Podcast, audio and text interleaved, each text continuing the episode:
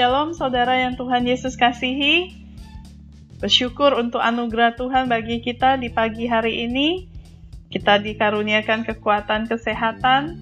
Kita boleh dipercayakan kembali hari yang baru.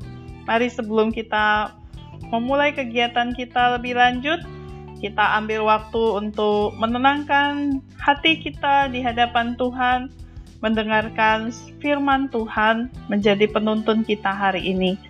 Mari kita berdoa. Bapa yang penuh kasih, kami bersyukur sepanjang malam Tuhan sudah pimpin kami dapat istirahat yang baik dan pagi ini kami boleh bangun dengan kekuatan dan kesegaran yang daripada Tuhan. Kami percaya rahmat Tuhan yang baru telah Tuhan sediakan atas kami. Dan saat ini Tuhan kami bersama-sama datang kepada Tuhan, kami rindu mendengarkan firman-Mu Tuhan berbicaralah kepada kami, karena kami sudah siap ya Tuhan. Terima kasih Bapa di surga, demi nama Tuhan Yesus kami sudah berdoa. Amin. Pembacaan firman Tuhan pada hari ini dari surat Roma, pasal yang ke-12, ayat yang ke-9 hingga ayatnya yang ke-16. Demikian firman Tuhan, nasihat untuk hidup dalam kasih. Hendaklah Kasih itu jangan pura-pura. Jauhilah yang jahat dan lakukanlah yang baik.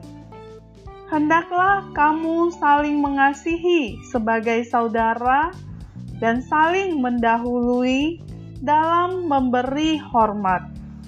Janganlah hendaknya kerajinanmu kendor. Biarlah rohmu menyala-nyala dan layanilah Tuhan Bersukacitalah dalam pengharapan, sabarlah dalam kesesakan, dan bertekunlah dalam doa. Bantulah dalam kekurangan orang-orang kudus, dan usahakanlah dirimu untuk selalu memberikan tumpangan. Berkatilah siapa yang menganiaya kamu, berkatilah dan jangan mengutuk Bersukacitalah dengan orang yang bersukacita, dan menangislah dengan orang yang menangis. Hendaklah kamu hati sepikir dalam hidupmu bersama. Janganlah kamu memikirkan perkara-perkara yang tinggi, tetapi arahkanlah dirimu kepada perkara-perkara yang sederhana janganlah menganggap dirimu pandai. Sampai sejauh demikian pembacaan firman Tuhan. Tema kita hari ini adalah si anonim. Dalam terjemahan bahasa Indonesia sehari-hari Roma 12 ayat yang ke-10 berkata begini. Hendaklah saudara-saudara saling mengasihi satu sama lain dengan mesra, seperti orang-orang yang bersaudara dalam satu keluarga. Saudara, mungkin kita sering membaca, saudara, mungkin kita pernah membaca esai yang berjudul "Walking Up to Anon", berusaha menjadi anonim, karya penulis Jane Yolen. Jane berkata, penulis yang terbaik adalah mereka yang dari lubuk hatinya sungguh-sungguh ingin mencantumkan anonim pada tulisan mereka. Bagi mereka, kisah yang dituliskan lebih penting daripada penulisnya. Nah, sebagai orang percaya, kita menceritakan kisah tentang Yesus Kristus, Sang Juru Selamat, yang menyerahkan nyawanya bagi kita. Bersama orang percaya lainnya, kita menjalani hidup baginya dan menyebarluaskan kasihnya kepada sesama. Rendahkanlah dirimu selalu di hadapan Allah dan jadikanlah dia segala-galanya bagi Anda. Demikian kutipan dari Oswald Chambers. Roma 12 ayat 3 sampai 21 menjabarkan sikap rendah hati dan kasih yang harus meresap ke dalam hubungan kita sebagai sesama pengikut Yesus. Janganlah merasa diri lebih tinggi dari yang sebenarnya. Kebanggaan atas prestasi yang pernah kita capai pada masa lalu dapat membuat kita buta terhadap karunia-karunia yang dimiliki orang lain. Hendaknya setiap kita menilai keadaan diri dengan rendah hati. Masing-masing menilai dirinya menurut kemampuan yang diberikan Allah kepadanya. Oleh karena ia percaya kepada Tuhan Yesus.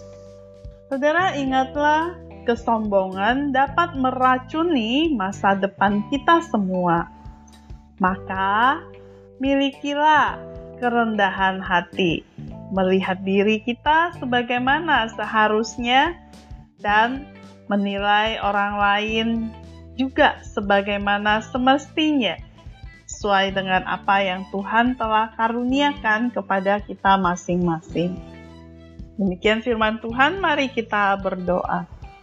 Kami bersyukur kepadamu ya Tuhan, yang setiap hari terus mengingatkan kepada kami lewat firman-Mu, agar kami sungguh-sungguh memiliki kerendahan hati, saling mengasihi satu dengan yang lain kepada orang-orang di sekeliling kami. Tuhan, tolonglah kami supaya dengan segala yang Tuhan telah anugerahkan kepada kami, kami tidak merasa diri lebih tinggi dari yang seharusnya, ataupun prestasi-prestasi kami, tetapi kami boleh dengan penuh kerendahan hati melihat semua itu menilai sebagaimana seharusnya sesuai dengan apa yang menjadi kehendak Tuhan.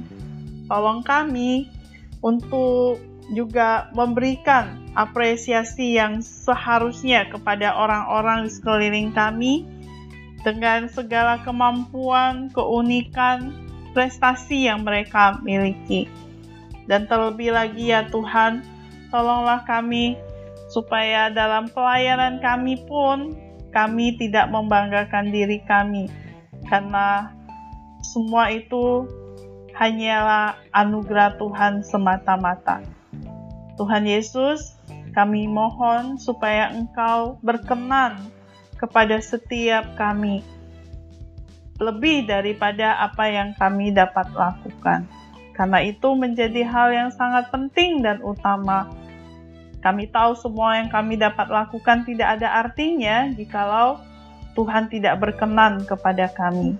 Terima kasih Tuhan Yesus. Kami menyerahkan untuk seluruh kegiatan di hari ini, pimpin berkatilah sehingga semua terus boleh menjadi proses pembentukan kami menjadi pribadi yang rendah hati. Terima kasih Bapa di surga, demi nama Tuhan Yesus kami sudah berdoa. Amin. Selamat berkarya di hari yang baru ini bersama Yesus. Aku bisa.